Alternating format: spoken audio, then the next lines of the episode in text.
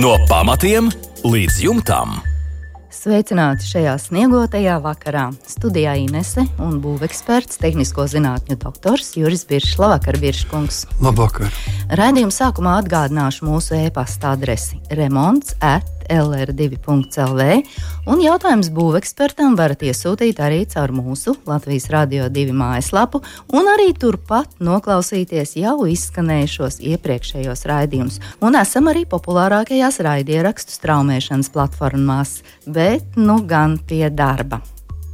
Normons mums raksta, ka ir nobriedis izolēties no skaļajiem kaimiņiem aiz sienas un jautā, kāds būtu minimālais un kāds optimālais sienu, griestu un arī grīdas risinājums, lai to paveiktu. Es saprotu, ka visai sarežģīts uzdevums, Biržkungs. nu, katrā gadījumā darbs pirmā, pirmā kārtām tiešām ir sarežģīts. Otram kārtām nu, mēs nevaram pat pretendēt uz to, lai kaut nedaudz izskaidrot šo jautājumu. Informācijas ir par maz. Nu, teiksim tā, ka šī, kas ir vispār troksnis, ja mēs sakām, akustiskās īpašības.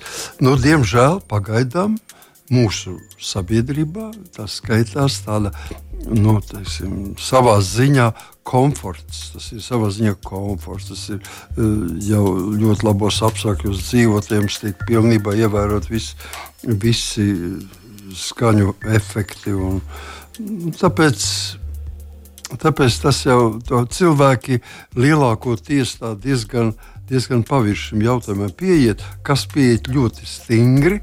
Nu, Es teiktu, ka tā ir diezgan liela problēma. Ir Lat Latvijas būvnormatīvi, kas stingri ierobežo un teiksim, saka, ka starp kaimiņiem diviem, ja ir kopējs siena, tad šeit jābūt stingri noteiktam 90 decibeliem starpībai, kur nedrīkst pārsniegt.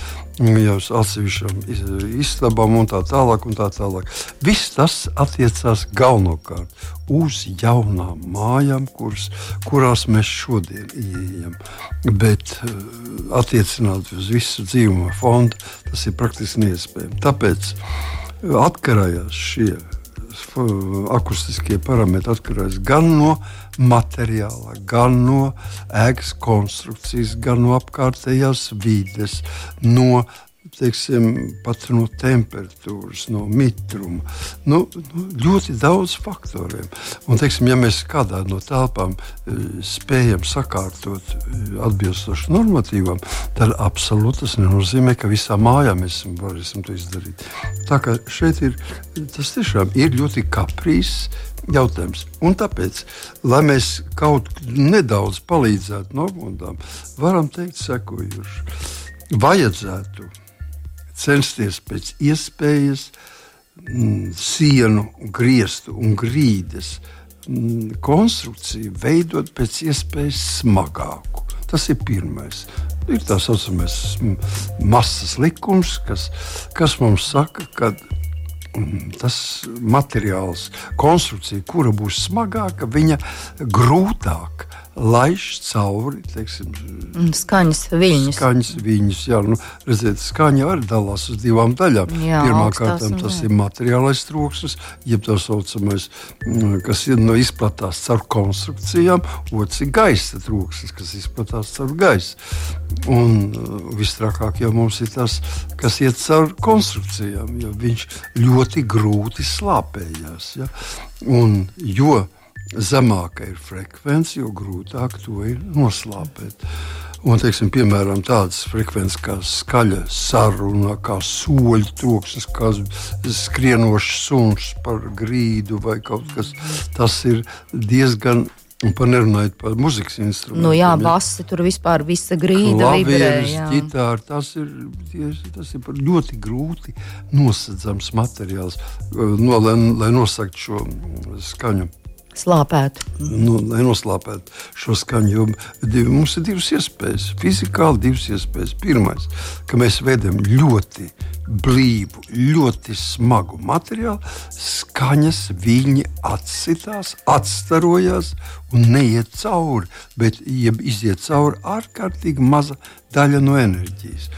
Tas ir viens tā saucamais skaņu atstarojas, kas izolē skaņu izolācijas materiālu. Tad mums ir skaņu absorbenti, kas skaņu uzsūdz. Ļoti pop, mm, poraini materiāli, mm, dažādi šķiedru materiālu. Jā, jā skaņas studijās ir jā. šie paneļi, porēni. Nu, paneļs parasti skaņas studijās lielākoties izmanto korķi. Jā, tātad ļoti, ļoti labi skaņu uzsūcošu materiāls. Un tāpēc tas tātad pirmkārt censties veidot aizsargs slāni no kāda īpaši smaga materiāla. Piemēram, grunts no svins, vairāk kārtas mm, rīķipšu plātnes, kas ir smagas. Nu, pēc iespējas smagāk. Tātad tas attiecas uz sienām, griestām un arī uz grīdas. Nākošais variants - visas konstrukcijas vajadzētu būt pēc iespējas daudz slāņainākas. Sastāvuši no, no entiem slāņiem. Nu, vismaz teiksim, viens rīķis ir, ir ļoti labs materiāls. Divi salikti kopā rīķis jau ir jau. Nu, stingri vairāk. Labi. Blīvi sastiprināt kopā. Jā, nu, saskrūvēts vai, vai salīmēts kopā. Trīs reģips jau ir lielisks skaņu izolācijas materiāls. Protams, tas ir smags un aizņem zinām, zinām telpu. Par to mums jāsaprot. Ir. Nu, Un tad mums vēl ir, ir speciāli skaņu izolācijas materiāli. Dabonam, būvmateriālu veikalos, tātad nesevišķi lielā izvēle, bet viņi ir. Tātad to iepinot iekšā šajā norobežojošajā materiālā, teiksim, sienu, griestu vai grīdu, grīdas pīrāgā, no, ietvirot iekšā, mēs atkal varam kaut ko stingri samazināt. Mm -hmm. Tā kā tikai tie ir ieteikumi. Ja mēs gribam kaut ko precīzāk, nu, es teiktu, ka šai gadījumā tas pat nav iespējams. Pat ja jūs man pateiksiet visus precīzus datus, tad man būs ilgi un dikti jārēķina, lai tur kaut kas izveidotos. Jā, tā tad izmantot šīs uh, rīģipša plāksnes un rīķipšu plāksnēm vēl varētu pa virsmu šo slāpējošo skaņu, slāpējošo likt. Vai Nevis arī tam virsmu likt, bet ir tieši starpā. starpā? Nu, teiksim, jā, mums teiksim, divas rīķipšu plāksnes starpā ieklājam vēl skaņu eh, izolācijas vai skaņu dzēsušo materiālu. Un atkal plāksnes. Nu, jā, plāksne, skaņu dzēšana, plāksne. Es domāju, divas plāksnes, skaņu dzēšana, divas jo labāk, plāksnes. Vēl labāk būs. Un, ja to mēs izdarām no, ne tikai no Normunda uh, dzīvokļa puses, bet arī ja viņš to izdara vēl à, otrai pusē. Kaimiņu vēl pierunāt. Jā, jā. Nu, tā kā šeit ir iespējas. Nu, viss atkarīgs no kā, no kā jau veidot uh, starpsienu. Vai tas ir ķieģelis, vai tas ir betona panelis, vai tas ir gāzbetons. Vai, nu, tā viss ļoti daudz kas atkarīgs. Nu, to mēs šajā gadījumā nezinām. Nav minēts, normāls nav uzrakstījis, no kā ir kāda materiāla sienas. Nu, ir, vesel, ir arī firmas, kas tieši nodarbojas ar šiem jautājumiem. Var, bet nu, es jums teikšu, ka garantijas nekādas dot. Varam uzlabot. Jebkurā gadījumā visi pasākumi uzlabos. Tikai jautājums par cik? Par vienu decibeli vai par 20 decibeliem. Ja par vienu tam nav nozīme, 20 tas jau skaitīts. Tas jau jūtams. Tas ir ļoti labs sasniegums. Nu, lai Normundam izdodas. Lai izdodas. Vai ir vērts gruntēt sienas pirms flizelīna tapeša līmēšanas? Mums jautā Aldis, kā sienas apstrādātas, sagatavot pirms tapeša līmēšanas. Sienas ir izlīdzinātas. Līzelīna tapetes. Jautājums ļoti labs, bet, diemžēl, eh, es negribētu pašreiz, eh, praktiski sakot, es, man tas ir aizliegts. Eh, firmas konkrētas. Nosaukt minēt, kārtīgas firmas, bet, diemžēl, katrai firmai ir sava instrukcija. Un, teiksim, firmas, kas izgatavo frizelīnu tapešu līmu, raksta savā instrukcijā, kā izpildīt darbus, kā ar kādiem materiāliem gruntēt. Ja mēs rakstīsim, ka piekritīsim Aldim, teiksim, ka nevajag, varat arī negruntēt, tad firma nebūs apmierināta. Viena firma, kas, kas ražo šos, jo tas ir tomēr jāievēro ir tehnoloģija. Kāpēc mēs gruntējam? Mēs gruntējam vairāk iemeslu pēc. Pirmkārt, lai izlīdzinātu virsmu, radītu pietiekoši labu saķeres virsmu starp flīžu līmeni un attiecīgo sienu, un vēl tam līdzīgi, lai tur neuzkrātos kaut kādas gaisa burbulīši, un vēl kas ir ļoti būtiski, tad sienai, lai viņu gruntētu, mēs teiksim, saglabājam to, tās īpašības, kas nepieciešamas. Mums ir līme. Pie tapeša līmēšanas līme ir izšķiroša nozīme. Un, lai viņa saglabātos, mums jāpanāk tāda grunts, kas neļauj šai līmei iesūkties sienā. Na, teiksim, būs nepietiekoši šīs slīmas daļas un, un flizelīna. Tāpēc nu, sāks jums nebūs pietiekoši piesātināts ar šķidro fāzi, mm -hmm. un viņš sāksies krūkoties jums. Es saprotu, bieži kungs, ja mēs izvēlamies līmi un grunti, tad vēlams ir ņemt vienas firmas, lai, lai iet labāk kopā tā lieta. Jā, nu, Ines, es Noteikti. skatos, tu jau pilnīgi kā eksperts par šiem jautājumiem.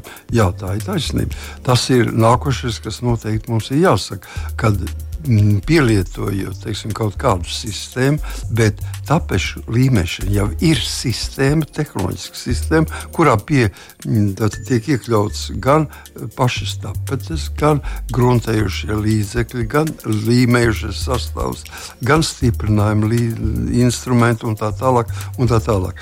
Viss tas kopā veido šo sistēmu. Labāk, ja jūs pielietojat vienas firmas.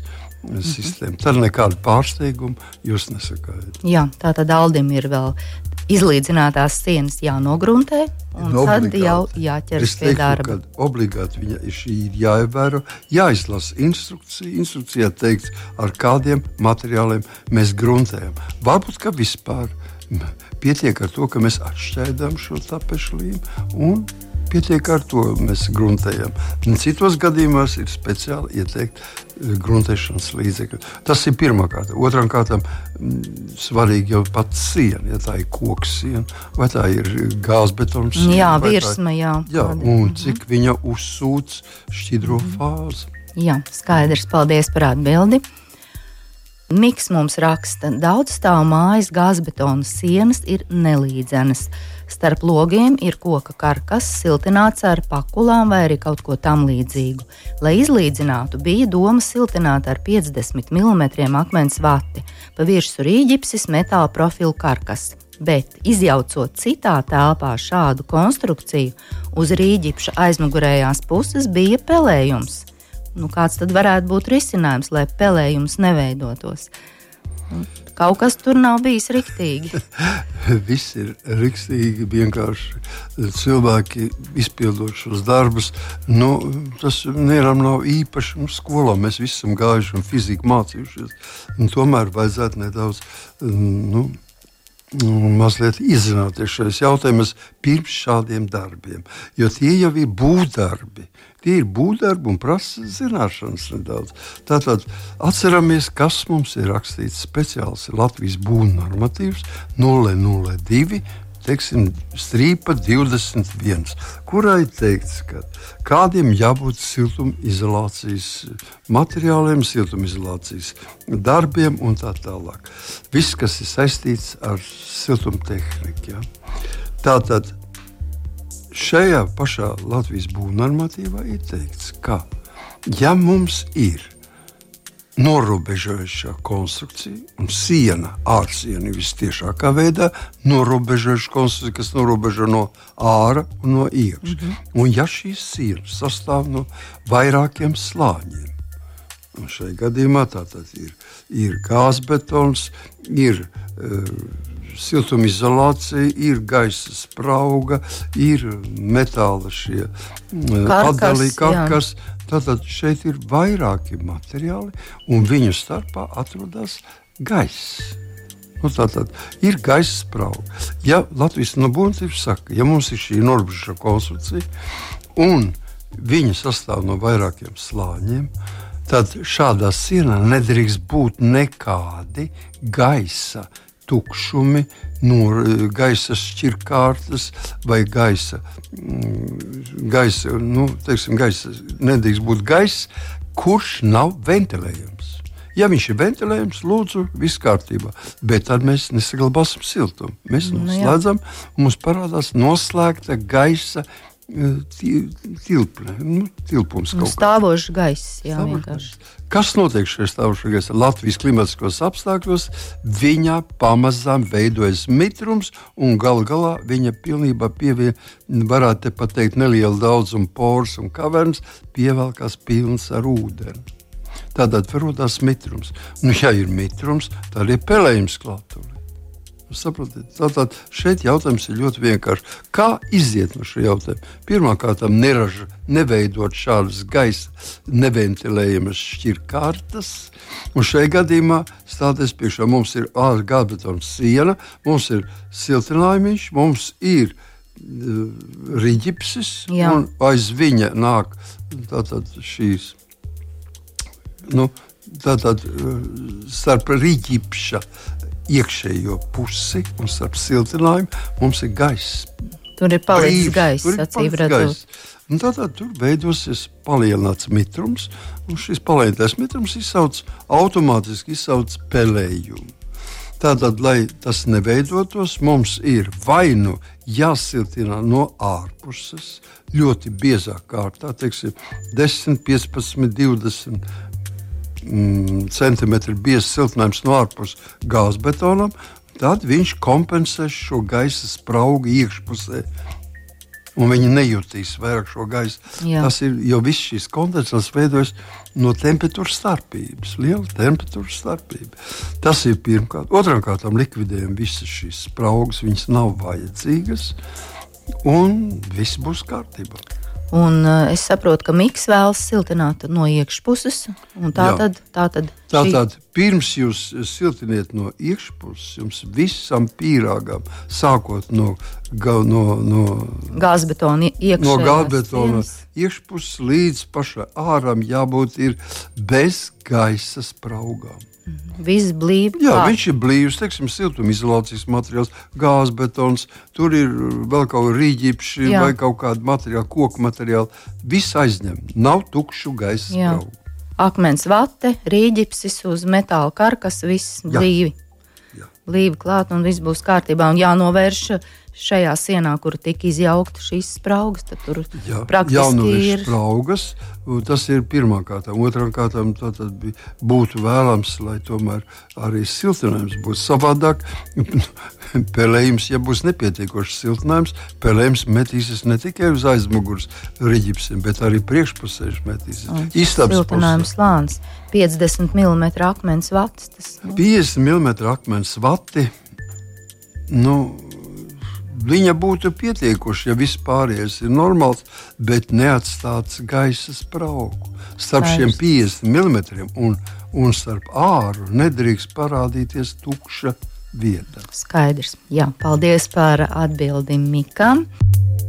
Pirmdienās, 7. vakarā Latvijas Rādio 2 celtniecības un remonta darbiem veltīts raidījums.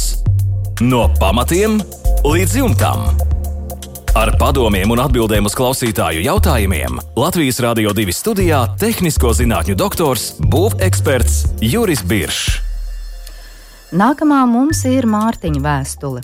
Mājai ir plakans ruberoīdu jumts. Salu laikā mājas otrajā stāvā uz rīģipša griestiem veidojas mitrs straips. Problēmas ir noteku pusē, kur uz jumta veidojas pleķis. Laikām kondensāts veidojas starp rīģipsi un betona plātni. Ko darīt, lai novērstu mitrumu traips uz griestiem? Un Mārtiņš ir pievienojis arī fotoattēlus, un mēs redzam, uh, istabā stūrī pat tapetes jau tā kā mazliet ir atlikušas no sienas klājuma, un griestu vidū ir arī mitrs straips. Tāda nepatīkama situācija veidojas. Ļoti nepatīkama. Situācija ne jau pavelti, uh, Mārtiņš raksta mums, ja bez šaubām, ka Jā. tā ir situācija. Diemžēl tā situācija ir diezgan nopietna. Es pat teiktu, ka mēs tikko kā, tikko devām uz iepriekšējo jautājumu, un šeit viņš saistās. Tas es redzu, tas pats. Tas pats tā pati problēma parādās tikai jumtā. Tikai citā vietā. Jā, nu, viņa ne, nav vairāk uz, uz sienām, bet tā ir jumts. Ir. Un tātad, cik es saprotu, nu, Mārtiņš saka, taisnība, ruberoida jumts, tad tas ir vienkārši plakans. jā. Plakans. Plakans, plakans ruberoida jumts, uzkausēts ruberoids un betona plātne Un tālāk es ļoti gribētu zināt, vai šis jumts ir siltināts no apakšpuses vai no augšpuses. Par to neviena vārda nav. No tā viss atkarīgs, ko mums darīt, kā mums ieteikt. Jo šeit ir iespējams divi varianti. Jumts ir siltināts, un viss šīs problēmas parādās. Jumts nav siltināts, un viss šīs problēmas parādās. Ir mazliet savādāk. Tie ir izcinājumi varianti. Un tātad paskatāmies pirmā varianta, ka jumts ir siltināts. Ja? Jums ir siltināts, tad mēs varētu pateikt vienā vārdā, lai ilgi nerunātu, ka siltinājums ir nepietiekošs. Ja jumts ir siltināts no augšpuses, tātad un tad viņš ir uz viņa ir līmēts, virsū uzkausēts, virsū ir ruberoida jumts, tad šajā siltinājuma slānī ir jāveido ventilācijas ejas, kas visas iet uz deflektoru. Speciāli ierīce, plasmas caurulīte, kur savāc visu šo, šo iespējamo mitrumu, kas izdalās no siltumizolācijas materiāla, un pa tām ejām iet uz caurulītes pusi un iziet ārpusē. Ja? Tātad aerators vai deflektors. Nu, teiks, tādam vajadzētu atrasties uz šī iekausētām šeit ruberēta jumtā. Ja tas tiek darīts, tad mūsu viss mitrums, tāpēc ka betonā mitrums nevar rasties. Ja ir tikai pliks betons, ja. vienalga, cik viņš biezs nebūtu, mitrums tur būs iekšā, tas ir cits, cits jautājums, bet viņš nekādā gadījumā nekondensēs. Ja. Nu, tik viņš lielā nekrit, apjomā, kā tik mēs lielā redzam. Apjomā, jā, pilnīgi pareizi. Un tāpēc no augšpuses siltumizolācija nu, kurā jāveido, kurā tad veidosies šis tā saucamais mm, nu, nu, teiksim, kristalizācijas centrs, kur mēs varam parādīties, varētu kondensēties ūdens. Nu, tad mums jāveido šeit speciāla sistēma. Es teicu, jau parasti viņu e, ir vai nu gatava jau siltinājuma materiālā iestrādāt, vai viņi īpaši veido. Un kā atsevišķis ejas, ja, ar kurām mitrais gaiss var iziet ārpusē. Ja mēs siltinām no iekšpuses šādu betona plātni, tad jādomā par to, kur tad paliks tas mitrums. Viņš varētu būt šai gadījumā, kā raksta mums uh, Mārtiņš. Mārtiņš jā. jā, tas mitrums, ja būtu neplānota, nebiezā kārtā, vienalga, cik tur no iekšpuses ir siltināts, tad viņš varētu iet viņam cauri, savākties uz griestiem un parādīties kā šis straips. Tas ir pilnībā iespējams. Un tad būtu jādomā atkal, ja šajā gadījumā no iekšpuses, kā to mitrumu dabūt prom, kas ir diezgan sarežģīti. Tas ir pirmais gadījums. Otrs gadījums ir tas, ka mums nav nekāda siltuma. Mums ir plika betona, tā kā šeit ir rakstīts, betona kārta. Un apakšā, lai nu kas tur būtu, tur zem, pēc zinām daudzumu attālumu ir riģips. Ja? Un riģips. Uz riģips parādās mitrums. Fizikas likums, ko mēs tikko teicām. Mums ir norobežojuši konstrukciju, jumts. Mums ir vairākas kārtas, tātad ir betons un ir rīķis, starp viņiem ir gaiss. Un šajā gaisa telpā pēc visiem fizikas likumiem jāveidojas ir ūdenim, jāveidojas ir mitrumam. Un šis mitrums arī parāda mums Jo sal, īpaši sala laikā tāda liela temperatūra starpība. Ārā mīnus 20, iekšā plus 20. Tad rēķiniet, kāda temperatūra būs šajā gaisa spraugā. Šeit parādīsies mums uzreiz rases punkta temperatūra, kura šādos apstākļos var realizēties kā ūdens. Līdz ar to mums jautājums ir atrisināts kāpēc viņš radās. Lai nerastos, tad mums paliek vai nu siltinām no ārpuses jumtu ar jau ierīkotu ventilācijas sistēmu, vai siltinām no iekšpuses. Tādā gadījumā daudz sarežģītāka ventilācijas sistēma jā, jāizdomā, kā to darīt. Mm, bet, jeb arī praktiski likvidējiet šos grīzus, atstājam tikai betonu. Tad, ja nebūs temperatūras starpība liela, nu, ja būs liela temperatūra, tad pilēs tas ūdens vienkārši. Bet, ja šī temperatūra starpība nebūs liela, nu, viņš nu, būs augsts, bet, bet tā nebūs dzīvojamais. Nu jā, Mārtiņš jau arī tā raksta, laikam kondensāts veidojas starp rīģips un betonu plātni. Un nu, doma ir pilnīgi pareiza. Tā arī ir. Veidojas viņš tieši šajā vietā. Vienīgi es nesapratu, bieži kungs, jūs sakāt, siltināt jumtu no ārpuses, bet tur jau ir šis ruberoīds. Kā tad no ārpuses to ruberoīdu jāņem nost? Nē, šajā gadījumā, šajā gadījumā nav jāņem no. Šajā gadījumā mēs varam atstāt viņu. Mums ir betons, mums ir ruberoids nav. Jā. Mēs uz viņu klājam virsmu mm, akmens vatus. Teiksim. Šo te 3, ar, ar tiem kanāliņiem. Ja? Jā, nu, teiksim, 30 cm, 20 cm klājam biezā slānī, pēc tam pa virsmu plānāku jau ar šiem kanāliem. Jā.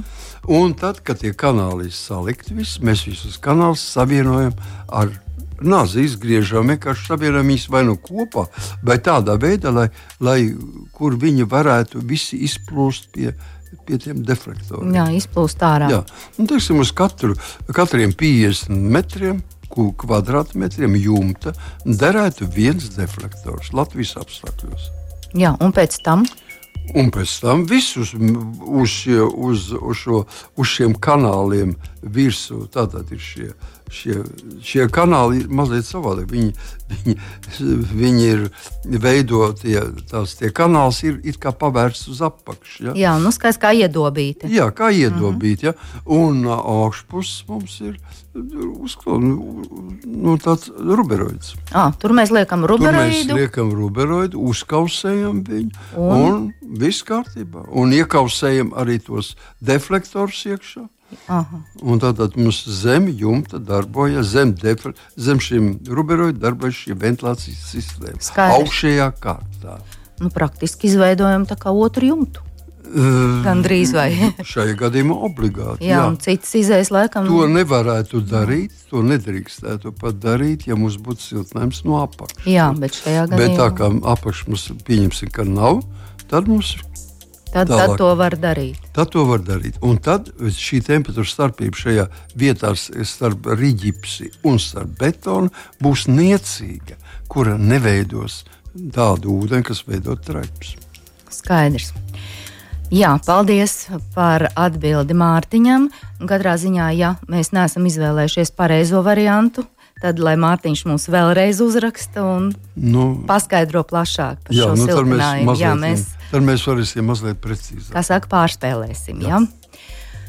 Izskatās, ka līdz ar to šovakar raidījums izskan. Lai atgrieztos noteikti pie jums pēc nedēļas.